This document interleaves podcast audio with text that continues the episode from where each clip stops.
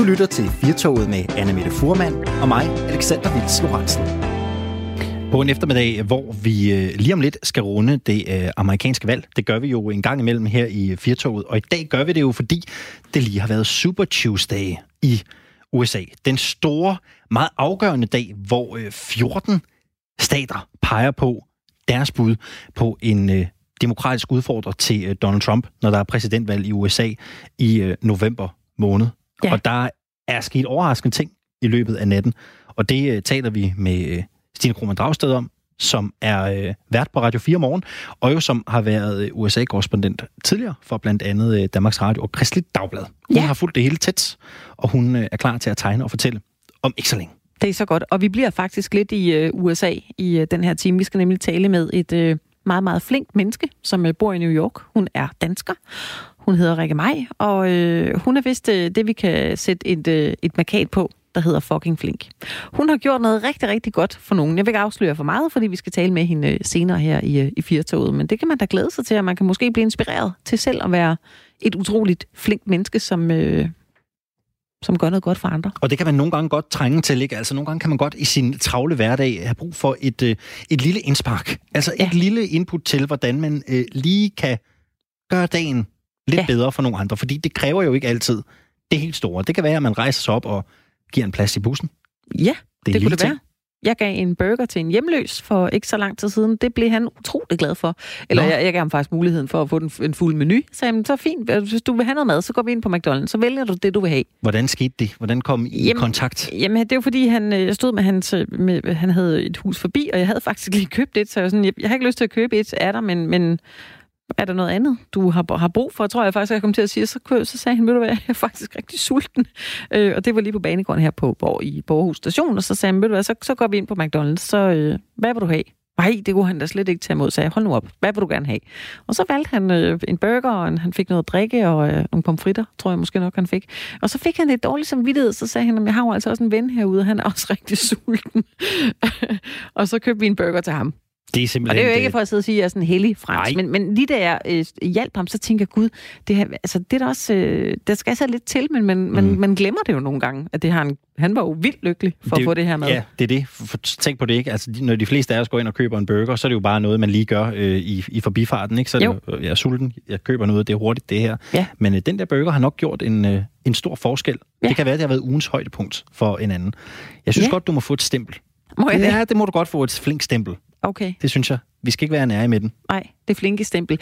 Øh, nu når vi taler om øh, præsidentvalget og Trump, så øh, var der jo øh, noget med på et tidspunkt. Trump han synes han øh, skulle købe Grønland. Det gik ikke så godt. Og så... Øh, det var også noget med, at øh, han skulle også have været en tur i Danmark. Ikke? Det blev ikke Nej. rigtigt til noget. Det er det.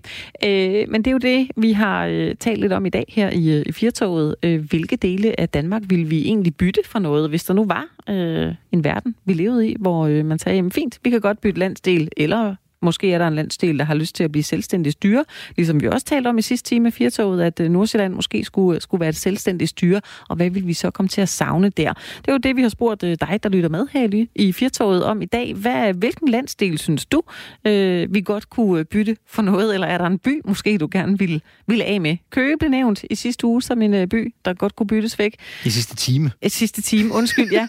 Og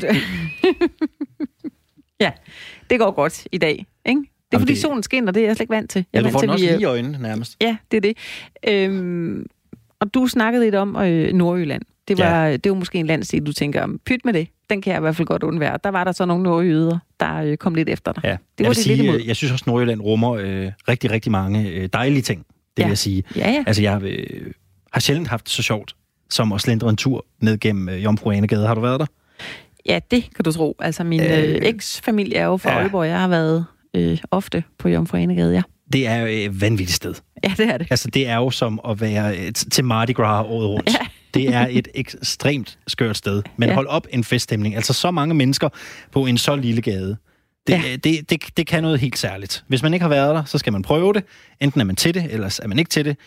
Jeg synes, det var øh, vanvittigt skørt og sjovt. Ja, deres faste lavn er jo også vild i Aalborg. Karnevalet, ja, ja, lige præcis. Karnevalet. Det er et lille, ja. et lille stykke Rio i Danmark. Det er det. Men øh, jeg var ude på, at, øh, at Lolland kunne jeg da godt øh, undvære hvis øh, der nu kom nogen og sagde, skal vi bytte med noget? Det kunne være, at man, øh, hvis man var Trump, sagde, fint, du får Kalifornien, så får, øh, så får I Lolland, så var det okay med mig. Men altså, øh, det er jo ikke for at fornærme nogen, men nogle gange, så må man godt lige åbne op for den her. Det er jo lidt fordomsfuldt, det vi sidder og snakker ja, om. Ja, og det er sagt med et glimt i øjet. Ja, Lad os sige det, det på den måde. Vi vil jo ikke af med noget. Nej, vi vil da ej. Vi vil da have hele Danmark. Ja, sådan er det. Men hvis du nu, øh, som også har gået og tænkt, ah, den der landstil, den kunne jeg da egentlig godt lige tænke mig at bytte for noget andet, så meld endelig ind til os her i, øh, i Firtoget. Du kan sende en sms. Du skriver R4, og så din besked, og så sender du den afsted til 1424. Eller også så kan du ringe ind til os på telefonen. Den er åben. Nummeret det er 72 30 44 44. Og øh, det er jo lidt sjovt, det her med, øh, med de her øh, landsdele, ikke? Fordi jeg kommer jo fra en øh, by, som mange måske vil have lyst til at bytte væk. Jeg kommer fra Randers. og vi har ja, talt en del om Randers. Vi er blevet vi. ambassadører for Randers. Ja, på en måde er vi. Ja. Øh, men, men jeg har sådan på fornemmelsen, at der måske er, der måske er nogen, der tænkte, at den, den kunne vi godt bytte væk. Ja, måske. Nu har de jo fået Mokajen deres nye street food sted, de har kaldt Mokajen, så det kan være, at det øh, giver noget der. Jamen, jeg må faktisk, jeg må faktisk give dem, øh, jeg må give dem den credit, at, at øh, selvirionien, den lever altså i bedste velgående i ja. Randers. Ja. De, de, de kan tage pis på sig selv, de, ja. de, og det kan altså noget. Ja, det, det, det synes jeg, det er mange, det er mange pluspoint på, på min bog. Ja, vi havde også talt om, om vi skulle øh, opfinde ret med en mokai i. Øh, det kunne være, at vi skulle være ambassadører for det også, fordi øh, hvis nu Randers øh, ikke kan komme af med det rygte, at de er mokai-drikkende, og nu har de åbenbart et street food sted, de kalder mokaien, så kunne det godt være, at vi skulle øh, arbejde lidt på det, Alexander. Hvad tror du vil være en god mokai-ret? Jamen det er det, jeg tænker, hvad kan man egentlig blande med en mokai? Hvad kan, hvad, altså, hvilken ret vil den egentlig indgå i, hvis det nu skulle være en madret? Jeg har simpelthen aldrig prøvet at lave mad med sodavand, tror jeg. Eller altså sodavand med alkohol En i, øh, alkoholiseret hyldeblomstrik. Ja, jo, men hvis man skulle sådan... Øh, vi kunne tænke på Rasmus Munk faktisk, ham der er øh, ejer af... Han er kok og ejer af The Alchemist i øh, København, restauranten, som øh, har fået to Michelin-stjerner for nylig. Han er fra Randers. Øh, det kunne da godt Nå, være. Søren. Og han er jo ret eksperimenterende med sin måde at lave mad på, og det du får serveret på The Alchemist, det er jo en helt uh, mindblowing oplevelse øh, med de her retter, som er komponeret, nogle af dem ud fra det uh, koordinat, hvad hedder det, periodiske system. Altså, det kunne være, at han kunne finde på noget med en mokai. Han ville da være mand og spørge, synes jeg. Det tror jeg. Altså. Hvis han hører med derude, så er han jo endelig velkommen til at ringe ind. Nu har ja. vi jo sagt nummeret. Du sagde det der med at marinere ting i sodavand. Altså, jeg har prøvet det oh, ved et uheld ja. en gang. Ja. Øh, jeg har væltet et... Jeg har været ekstremt sulten, og havde ikke noget øh, at tørre op med, og har væltet et glas cola ned over øh, nogle kartofler, altså nogle kogte kartofler, og så tænkte jeg, jeg spiser det, ved du hvad? Det, der er, jo, seriøst, der er ikke nogen grund til at stå der. Jo, ved du hvad, jeg, ned med det. Det kunne ikke anbefales. Det var ikke særlig lækkert. Bliver det ikke frygteligt klistret så? Jo, men det, det bliver mere sådan, øh, du ved, en varm kartoffel og et koldt glas sodavand. Der er et eller andet ja, i... Øh, det duer bare ikke. Altså, nu vi øh, tænker mokai, sådan, jeg, jeg er måske mere over i en, en dessert. Altså, fordi du kan, du kan blande den op en, en... Man kunne lave et mashup med en tiramisu eller et eller andet. Så kan du lave noget karamelliseret mokai, som du sådan... Nå, hold da op, det er over i det kreative hjørne, Ja, ja. Jeg blev inspireret af de alkemist. Det, det, det kan jo være. Altså, kunne du ikke forestille dig det? Ja, men altså, jeg, jeg Sådan tror, en karamelliseret er... mokai ovenpå noget lidt lækkere tiramisu-agtig kage. Jamen, jeg tror, ja. der er store muligheder, fordi øh, mokai, man kan jo ikke sige mokai uden også at sige hyldeblomst. Og hyldeblomst har jo ligesom gået sin sejrsrunde som sådan lidt et... Er det jo sådan en drik, man får i det, i det bedre selskab, ikke? Eller det er sådan noget, jo. hvis man er lidt med på moden i mange ja. år, så har man drukket noget med hyldeblomst. så jeg tror altså godt, at, at mokai øh, kan et eller andet. Det er ja. jeg simpelthen ikke i, øh, det er simpelthen ikke i, øh, i tvivl Nej. om. Nej. Lad os lige tage et par sms'er, fordi vi har faktisk øh, fået et, øh, vi har fået et par stykker. Vi taler jo i dag om øh, det her med, hvilken del af Danmark kunne vi godt undvære, ja. hvis vi fik frit lejde. Og vi har altså fået et par, øh, et par sms'er ind. Øh, vi har fået en fra en lytter her, der skriver, giv Slotsholmen væk. Og det skal måske sige Slotsholmen, det er jo der, hvor Christiansborg og alle ministerierne ligger. Ja. Giv Slotsholmen væk. Betingelsen er, at de også tager politikerne og embedsmændene med. Yes. Det er og måske... givet videre? Ja, men øh, bland jer endelig i debatten. Ring ind til os på 72 30 44 44, 72 30 44 44, eller send os en sms. Det kan du gøre. Du skriver R4, og så din besked, og den sender du afsted til 1424. I nat der løb den øh, ekstremt væsentlige Super Tuesday af stablen i USA. Her pegede hele 14 stater på, hvem de foretrækker som demokraternes udfordrer til præsidentposten i USA, når der afholdes valg til november. Omkring hele 40 procent af vælgerne har afgivet øh, stemme til Super Tuesday, og det er øh, blandt andet øh, den mest befolkningstunge stat, Kalifornien, der har været ved stemmeurnerne i nat. Lad os prøve at dykke lidt ned i, hvad der egentlig er sket i nattens løb, og det kan vi jo passende gøre i samarbejde med dig, Stine Roman Dragsted. God eftermiddag. God eftermiddag. Du er vært på Radio 4 morgen, og så er du øh, tidligere USA-korrespondent for blandt andre DR og Kristelig Dagblad. Du har altså som sagt fuldt Super Tuesday tæt. Stine, for at komme øh, ned i materien allerførst og forstå det her fænomen, kan du så ikke sætte nogle ord på, hvorfor man har denne her lidt særlige valgdag, Super Tuesday? Jo, altså det er jo sådan i USA, der har de ikke én valgdag, hvor partierne vælger, hvem der skal være deres præsidentkandidat. Øh, de har løbende valg i forskellige delstater fra året starter og helt op til, til sommeren, hvor at partierne har de her partikonventer, øh, hvor man så nominerer deres præsidentkandidater. Og i år, der ved vi jo ligesom, at Trump han genopstiller hos republikanerne, så der er ikke den store spænding der. Så alt fokus har været på, hvem demokraterne vil vælge til at prøve at slå Trump til præsidentvalget i november. Og på Super Tuesday, som altså løb af staben i, i går øh, her i USA, der er det der, hvor allerflest af de her delstater, altså hele 14 delstater, de øh, stemmer, og det er også det største udvalg af vælgere, der skal give deres besøg med, hvilken kandidat, der skal stille op imod Trump. Og det er et rigtig stort, øh, meget forskelligartet vælgere. Altså det fra østkysten havde vi delstater som Virginia, og North Carolina, op nordpå havde vi for eksempel Minnesota, Massachusetts, ned sydpå havde vi en stor delstat som, som Texas, og så havde vi også Kalifornien for eksempel over på vestkysten. Så meget forskelligartede vælgere, hvide vælgere, sorte vælgere, latino vælgere, som man altså skal kunne vinde hvis man skal vinde stort på Super Tuesday. Og det er sådan, at der er så mange af det, vi kalder delegeret, altså alt efter hvor mange procent om man får af stemmerne, så får man det, der hedder delegeret. Der er så mange delegerede, der bliver uddelt her på Super Tuesday. Det er så stor en pris, at hvis man vinder stort, så kan man få så stort et forspring, at man kan være svær at indhente.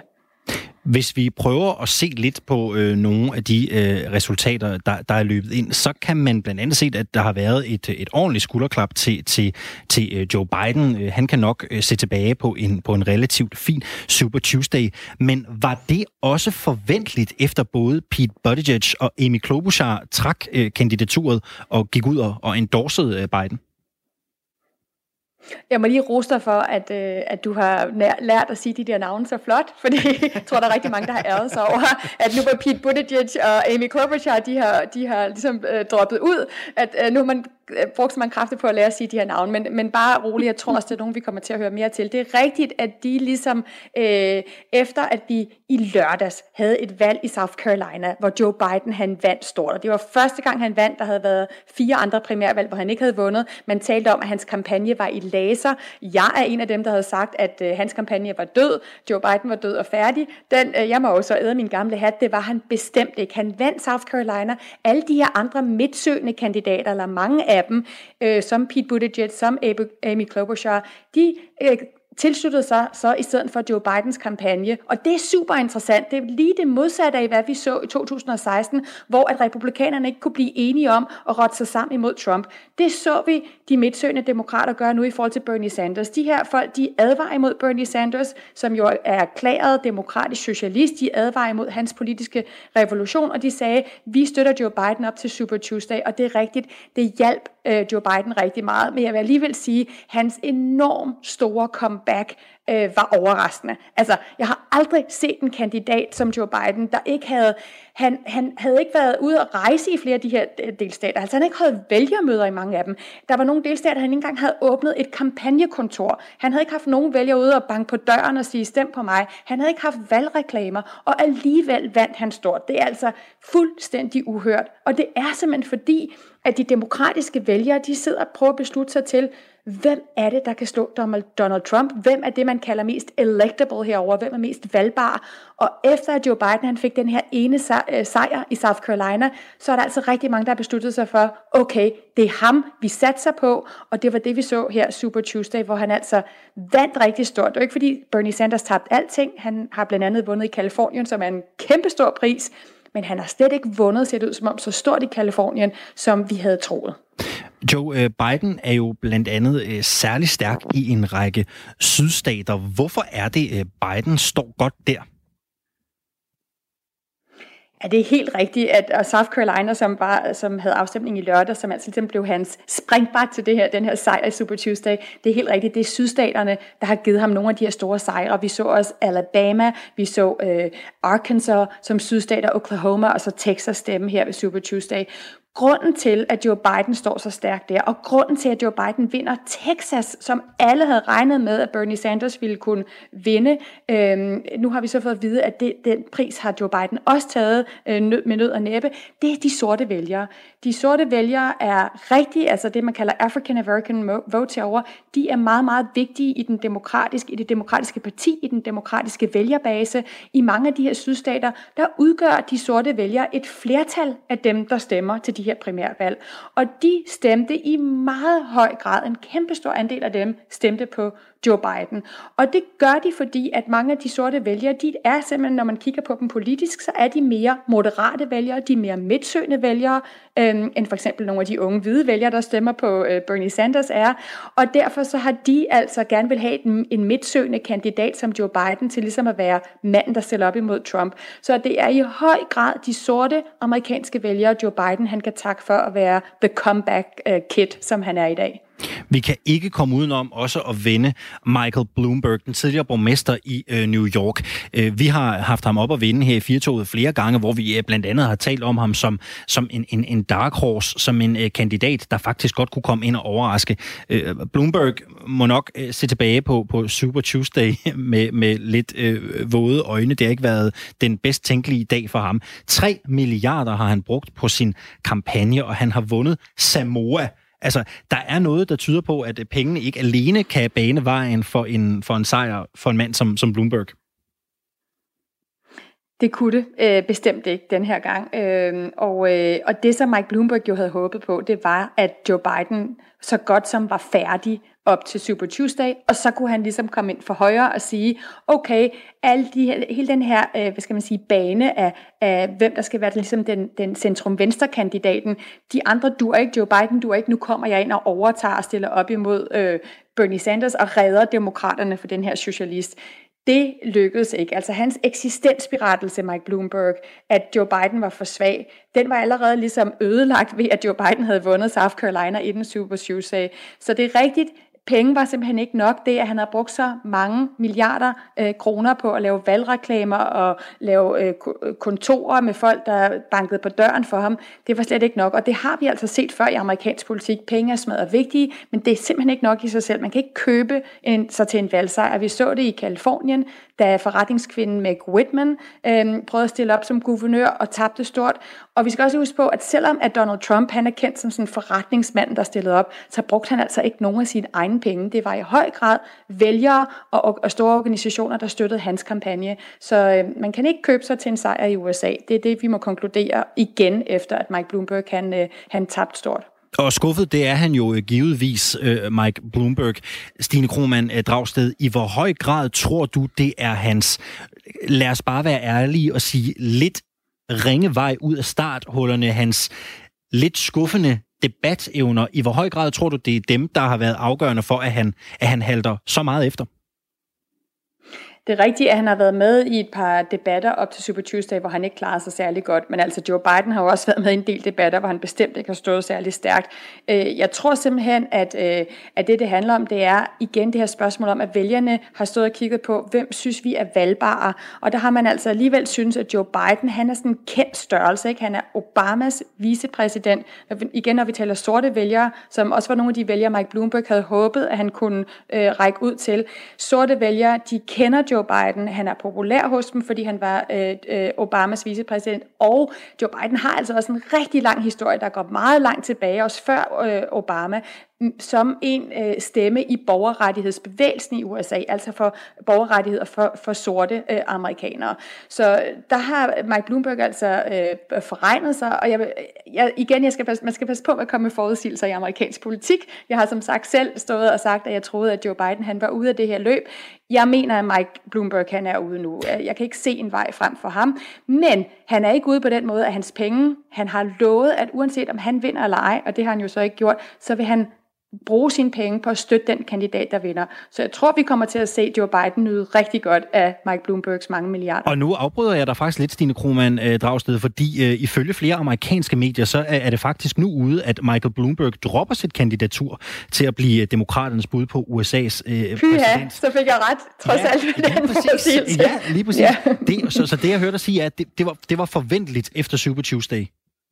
Ja, det er simpelthen det, at øh, det der er, når man stiller op til de her øh, øh til Super Tuesday, de andre primærvalg, det er, så skal man vinde det, øh, 15 procent af vælgerne for overhovedet at komme, altså for overhovedet at kunne samle nogle af de her delegerede. Der er sådan en tærskel på 15 procent. Og i over halvdelen af de delstater, der stemte i går på Super Tuesday, der fik Mike Bloomberg simpelthen ikke engang 15 procent. Så det er klogt af ham at træde ud nu. Hvis det han vil, det er at stoppe Donald Trump, og det er det, han siger, han vil til november, så gælder det om nu for sådan en som Mike Bloomberg at kaste penge efter den kandidat, han tror kan, kan vinde over øh, Donald Trump til november. Så øh, har vi jo også øh, Bernie Sanders. Ham kan vi ikke øh, komme udenom. Øh, Bernie har ligget lunt i øh, svinget i øh, lang tid. Nu er øh, Biden i, i, i topform.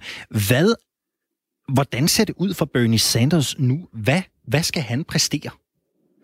Altså, det var en skuffende Super Tuesday for Bernie Sanders. Han havde håbet, at hans politiske revolution ligesom havde rullet hen over landet. Han, havde, han stod til faktisk at vinde, for eksempel delstater som, som Virginia. Han stod til at vinde i Texas, øh, hvor, hvor, han, hvor det jo simpelthen endte med, at Joe Biden vandt. Og det vi kan se, øh, der skete i går, det var, at de vælgere, der besluttede sig til allersidst, altså i sidste øjeblik, de stemte i høj grad på Joe Biden. Så det, vi kalder momentum, altså hvem der har medvind i ryggen, den ligger lige nu hos, øh, hos Joe Biden, ikke hos Bernie Sanders. Så det skal han selvfølgelig på en eller anden måde have, have vendt, sådan så han kan vise, jeg har stadigvæk momentum. Vi skal lige understrege, det ser ud som om, han vinder øh, Kalifornien. Der er allerede nogle medier, der har været ude og sige, at øh, Kalifornien går til øh, Bernie Sanders. Det er en stor pris at vinde, men han vinder den ikke så stort, som vi havde troet. Han, får ikke, han når ikke at få det der kæmpe forspring i delegeret, som ellers skulle have gjort ham urørlig.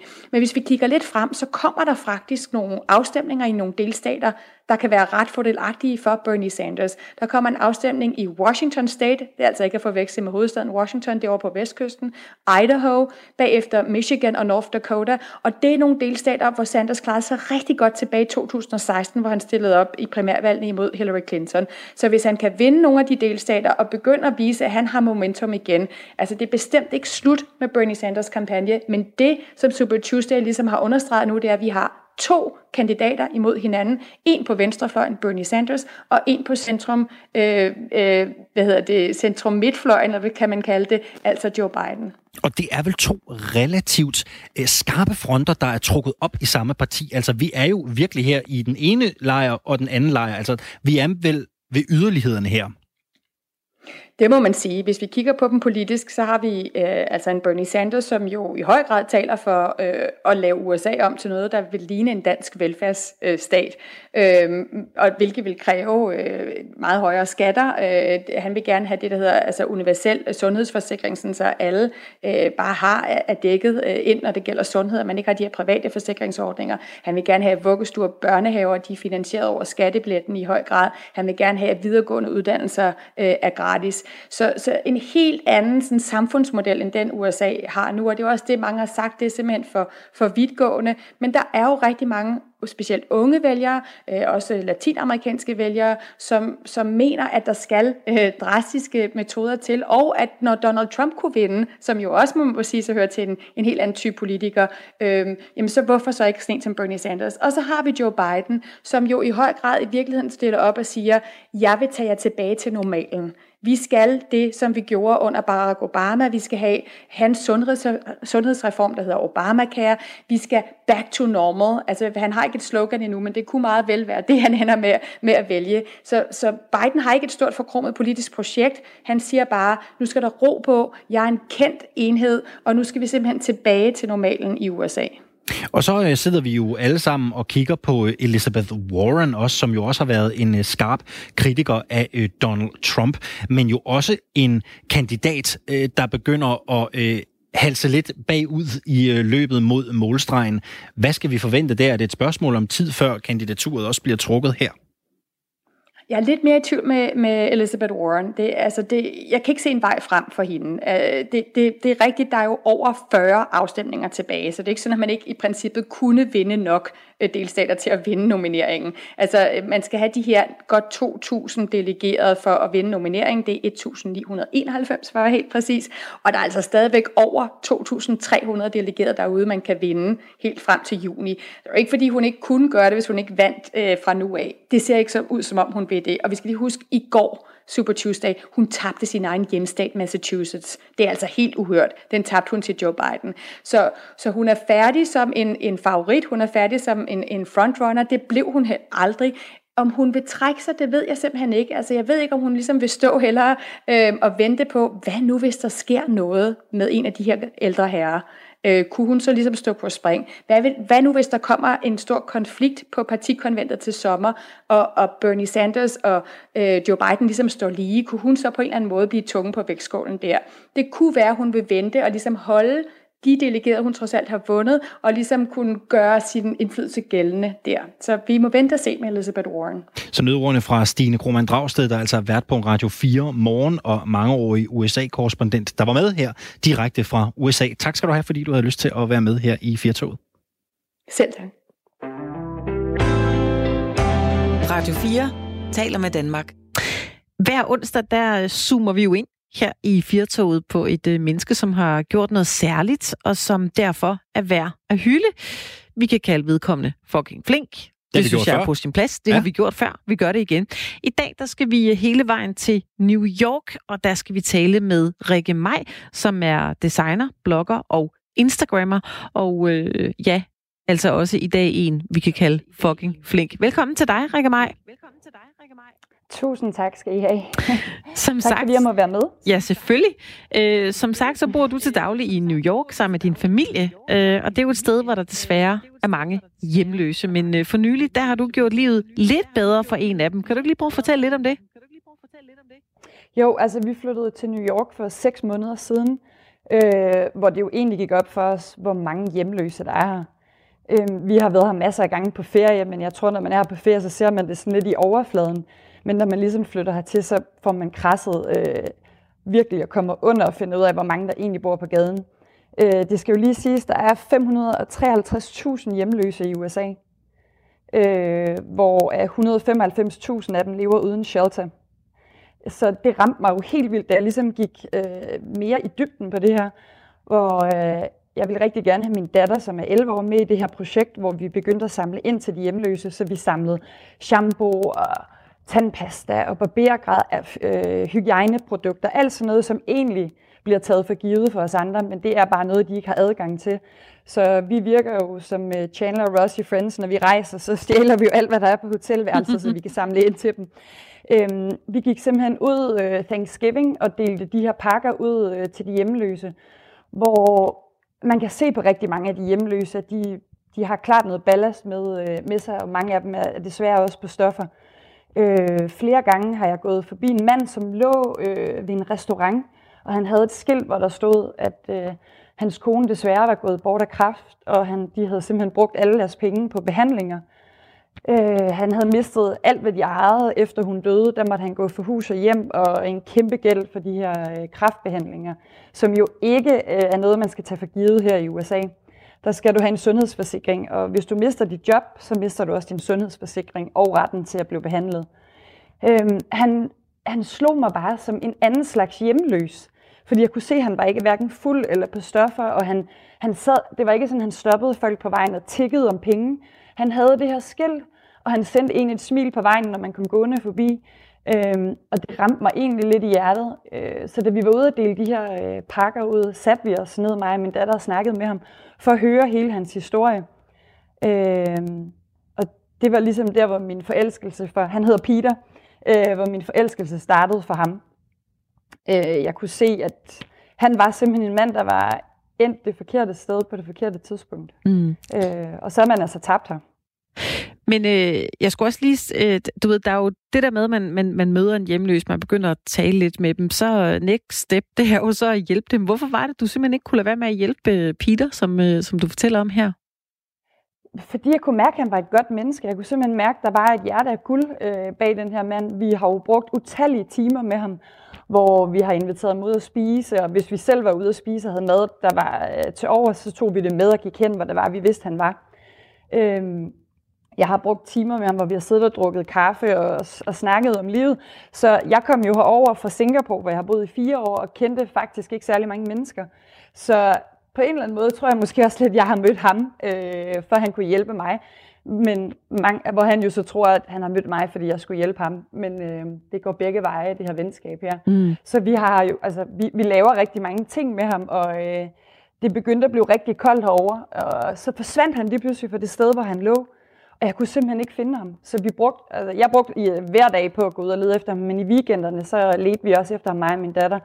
Og øh, så er det her for halvanden måneds tid siden, hvor hun sagde, jeg ved, vi skal ud og lede efter ham i dag, for jeg ved, vi finder ham. Og så fandt vi ham simpelthen stående op ved en øh, Starbucks, hvor han stod og åbnede døren for folk og ønskede dem en god dag. Øhm, ja. Nej, nej, det var bare fordi... Ja, jeg kunne høre, du var ved. jeg, jeg smiler simpelthen bare øh, med dig. og, så, øh, og det var simpelthen så koldt. Øh, han har en plads på det, der hedder et shelter. Øh, men der skal du komme inden klokken 6, og du er ikke garanteret en plads. Og du skal simpelthen også få, du skal ud af det her shelter klokken 6 om morgenen, så må du ikke være der længere. Øhm, og da vi finder ham igen fra sidste gang, da vi så ham, der så han bare rigtig, rigtig, øh, han så rigtig, rigtig forfærdelig ud faktisk. Jeg kunne se, at han var begyndt at få det, man kalder homeless legs, hjemløse ben, mm. hvor de simpelthen hæver op. Og min mand og jeg, vi, vi knak bare fuldstændig på det, så vi bookede ham faktisk ind på et femstjernet hotel, der ligger her ved siden af, hvor vi bor. Hvor vi gav ham tre dage, for jeg tænkte, på tre dage, der skal jeg have, der skal jeg have fundet ud af et eller andet med ham. For han kan ikke holde til det her, så ender han simpelthen med at dø. Også fordi altså, vinteren i New York er bare rigtig kold. Øhm, så vi indlogerede ham de tre dage på det hotel, og øh, han, det har været de bedste tre dage i hans liv, hvor han, han lå i sengen hele tiden og så Oscars og hvad der ellers var. Vi havde lavet snackposer til ham, så han rigtig kunne ligge og hygge sig. øhm, jeg starter så en indsamling på min Instagram-konto, øh, hvor at jeg ligesom fortæller, dem som følger mig på Instagram har fulgt hele den her proces i fra første dag, hvor vi møder ham og alt sådan noget, og også kampen om at finde ham igen. Øhm, og mine fantastiske følgere og venner og alt sådan noget, øh, var faktisk med til at samle næsten 35.000 ind på jeg vil sige tre dage, tror jeg. 35.000 kroner fik der? Ja, 35.000 kroner ind ja. til ham. Så efter de tre dage øh, fik jeg booket ham ind på det, der hedder et hostel. Øh, der er sådan noget, der hedder YMCA herover, hvor øh, folk, der er backpackers og alt sådan noget, kan bo. Øh, og der fik vi ham simpelthen booket ind i 25 øh, dage, og øh, nu her på lørdag skal vi så finde en ny mulighed for ham. Øh, der er jo ikke noget, der er billigt i New York, og det er et hostel heller ikke. Øh, så jeg, jeg kæmper videre for at få samlet ind til ham. Jeg, jeg er næsten ked af at, at afbryde dig, Rikke, fordi det er jo en, øh, det er jo en vidunderlig historie. Det er jo faktisk sådan en, der, der fortsætter. Altså, hvor, øh, hvor er vi henne den, øh, den dag i dag, altså med Peter? Jamen, vi har, jeg har udfyldt syv forskellige ansøgninger om det, de kalder for permanent housing her. Øh, men der er, som sagt, der er 70.000 hjemløse i New York, både mænd, kvinder og børn og øh, familier med børn kommer først. Så øh, jeg, jeg, har, jeg har håbet, jeg har håbet på, at han får en, øh, altså en permanent bolig. Det skal jo lige siges, han er jo ikke sådan en, der bare nasser på systemet. Han har faktisk et job. Han har et job, hvor han møder ind klokken 6 om morgenen og har fri klokken 3, hvor han gør rent. Øh, men lønnen herover er jo øh, meget, meget, meget minimal. Men, men det, er, det er vejen den, den rigtige vej. Altså det, øh, vi er på rette, rette vej, håber jeg. Ja. vi i hvert fald kan bidrage lidt med, at han får noget energi og noget overskud til livet igen. Og der er jo en ting, øh, det er det her med, at man øh, at den, der giver. Øh, det kan nogle gange være svært, måske også at, at modtage. Hvordan har Peter, altså hvordan har han det med at have modtaget så meget hjælp fra, øh, fra dig? Jamen, han kan slet ikke forstå det. Jeg, jeg har prøvet sådan lidt at fortælle ham, hvor, altså, hvad det er, jeg laver. Altså det med, at jeg skriver og alle de her ting. Jeg har nogle fantastiske følgere på Instagram, men han er i slutningen af 50'erne. Han har hørt om Instagram. Han ved, hvad Facebook er. Der har jeg selvfølgelig også samlet ind. Han kan slet ikke forstå, hvorfor vi vil.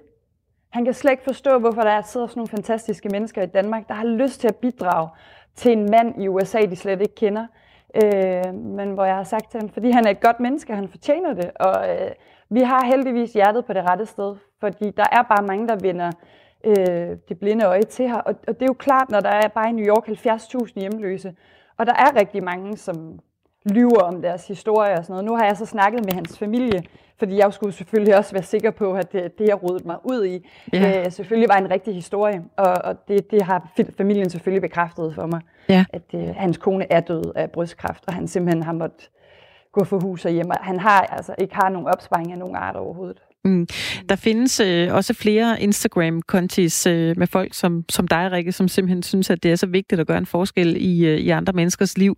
Øh, jeg har selv fulgt en på et tidspunkt med en amerikansk kvinde, som øh, samlede ind til andre kvinder, som var blevet hjemløse, som havde børn, og så lavede hun sådan et opslag og sagde, at øh, der er nogle kvinde her, hun har brug for mad, hun har brug for blæer, øh, du kan donere pengene her.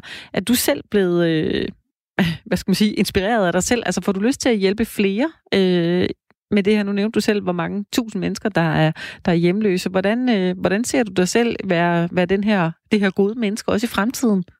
Det, det er jo klart noget, der ligger min altså, natur nært, og specielt også, fordi jeg synes, det er vigtigt, at min datter lærer. Hun lever et så privilegeret liv, og, og det er meget, meget vigtigt, at hun forstår, at det er bare ikke alle, der har øh, mulighederne for det her. Og hun er meget, meget selvberørt af, af at bo her i den, og det er nok det, der er hårdest for os, vil jeg sige mit, mit issue i USA er jo, at øh, det kan tage rigtig lang tid at få arbejdstilladelse her.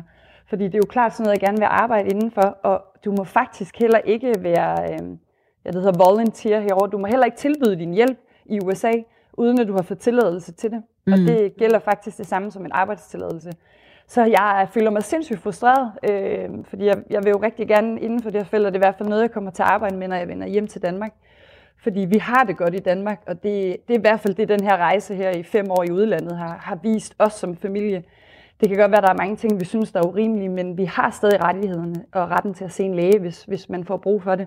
Og det, det kan man bare ikke. Jeg folk, altså, det er ikke mere end øh, fire dage siden, hvor vi havde en hjemløs, som vi har fulgt, der sidder på en bænk her. Øh, han simpelthen dækket til med sådan noget øh, varmefolie. Øh, han døde øh, for tre dage siden her i kulden.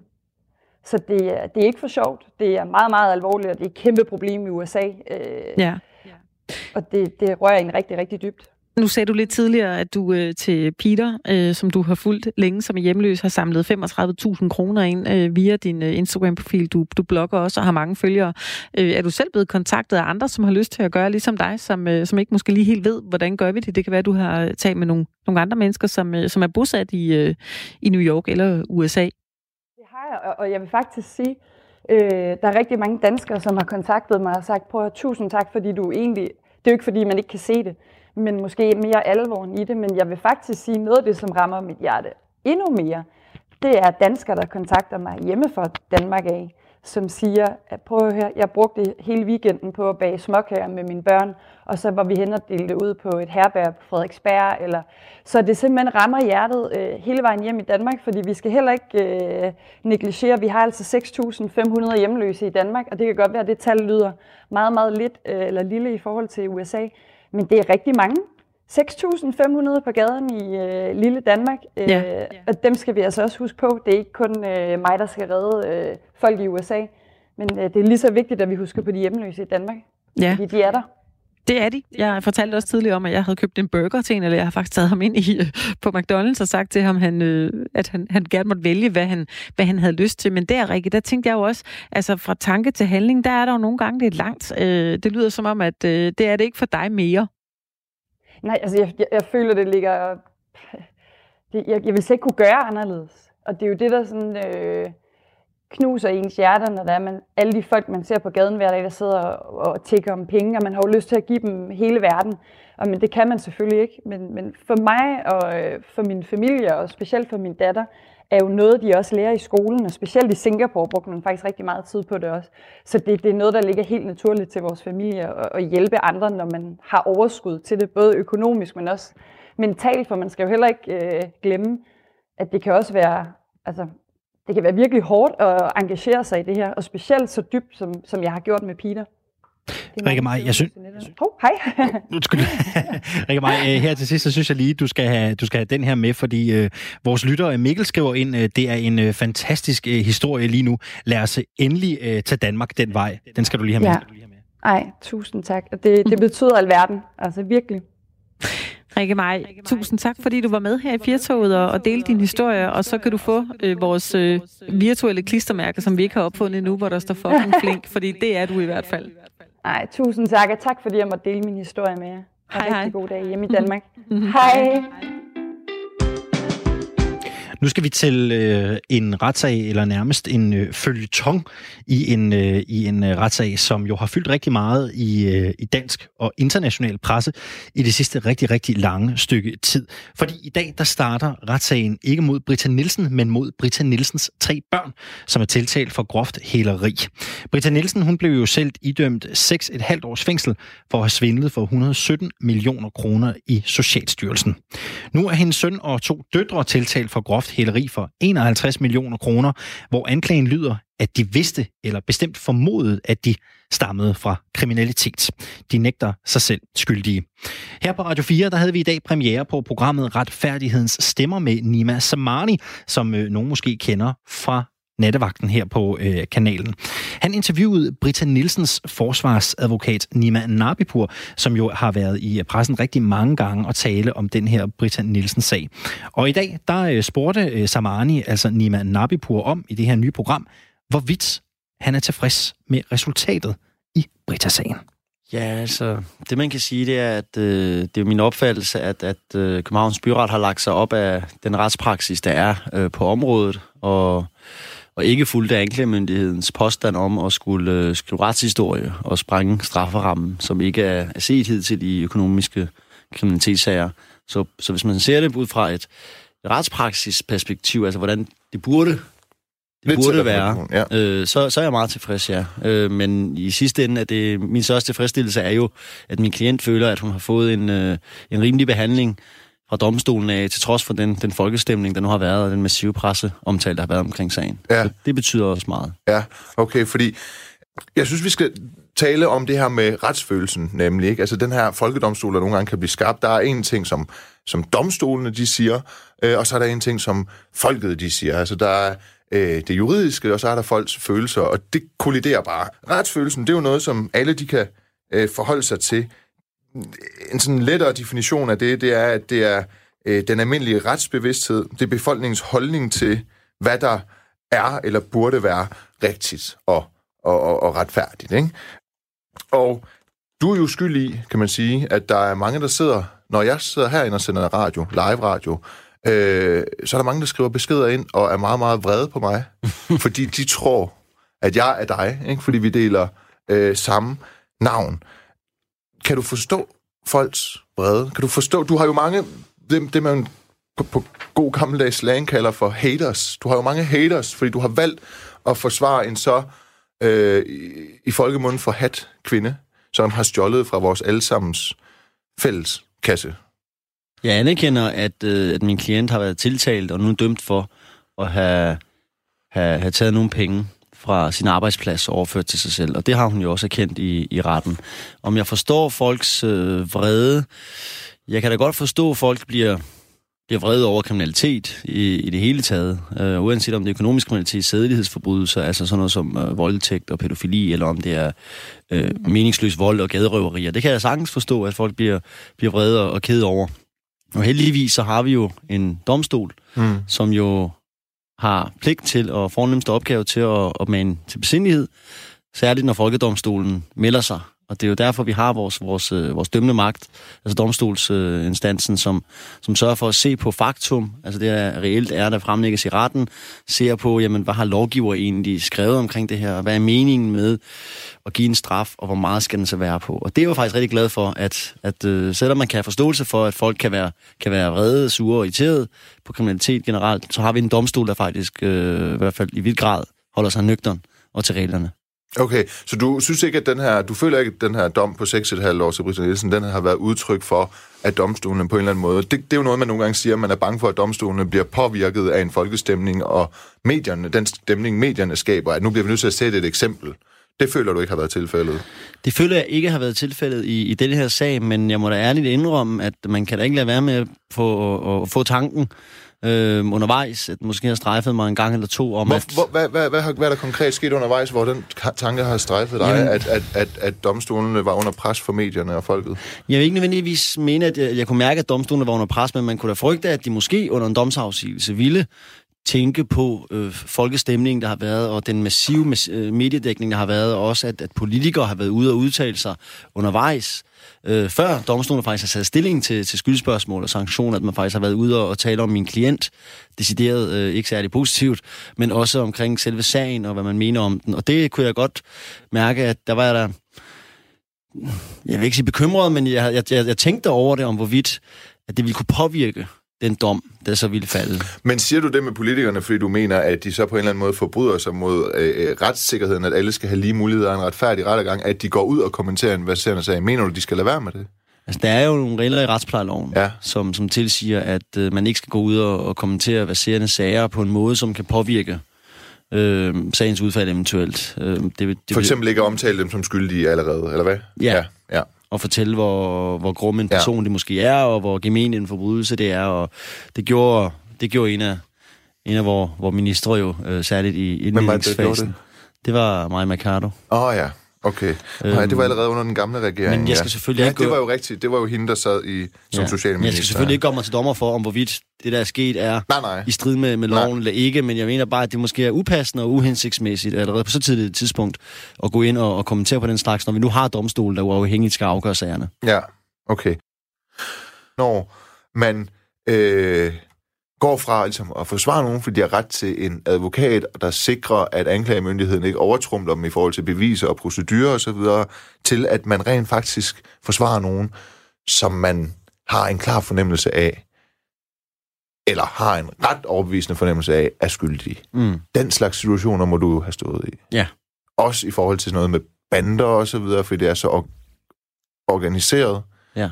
Så Hvordan forholder du dig til det, rent etisk eller moralsk, eller op i dit eget hoved, når du øh, prøver at falde i søvn om natten, som folk skriver til dig, de håber, du ikke kan? Ja, jeg sover ganske fint de få timer, jeg får søvn om natten.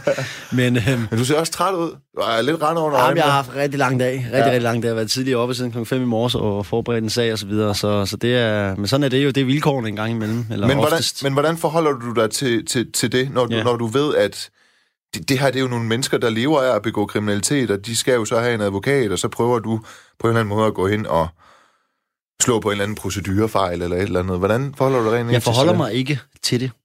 Altså, moralen og etikken i forhold til det, mine personlige holdninger, dem forsøger jeg faktisk at hænge ud i garderoben, når jeg går ind i, i, i retssalen eller i resthusen og skal besøge mine klienter.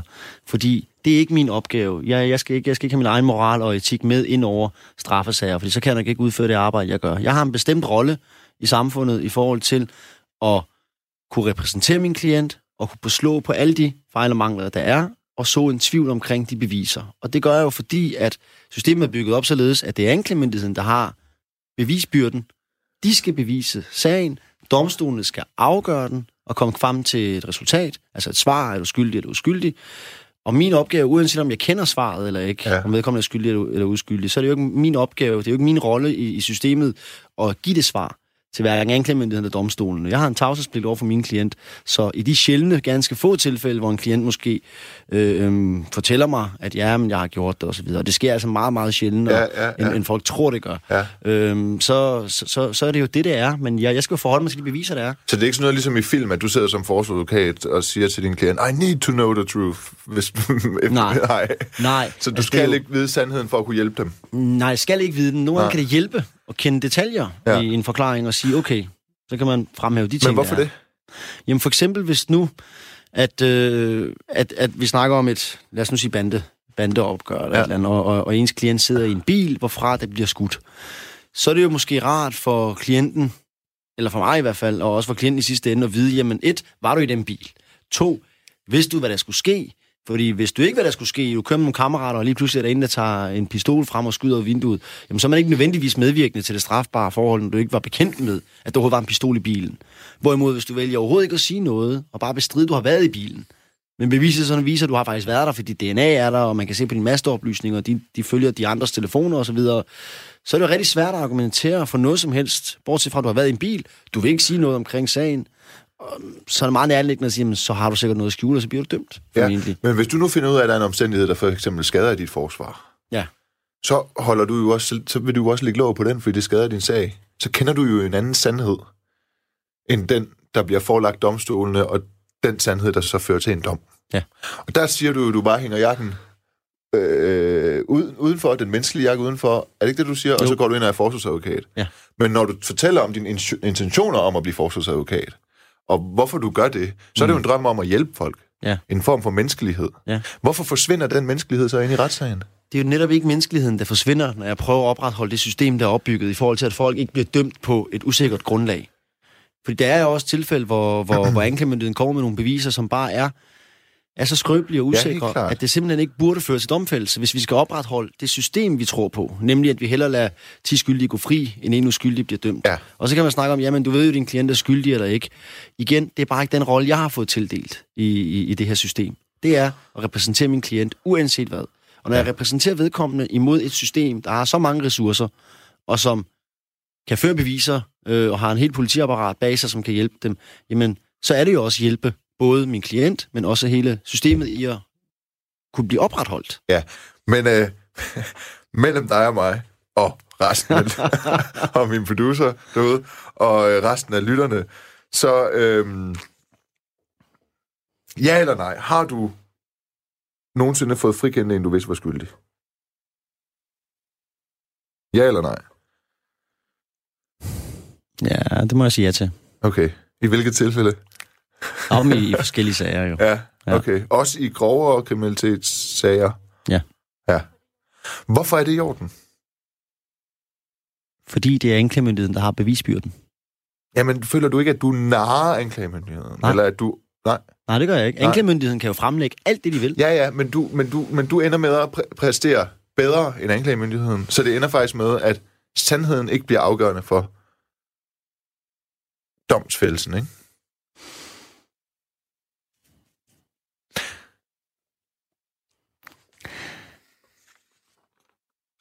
Igen kan man sige, altså, den opgave, jeg har fået tildelt af samfundet, er jo ikke at stå og fortælle, øh, hvad min klient for eksempel har fortalt mig, eller hvad jeg tror er den, øh, er den rigtige historie eller sandhed osv. Der har vi jo hele statsapparatet til. Vi har anklagemyndigheden politiet, der kan efterforske, og så har vi nogle, nogle domstole, der ser helt nøgterne objektivt på de beviser, der bliver fremlagt. Og, og det er jo det, jeg forholder mig til. Jeg forholder mig til det system, vi har.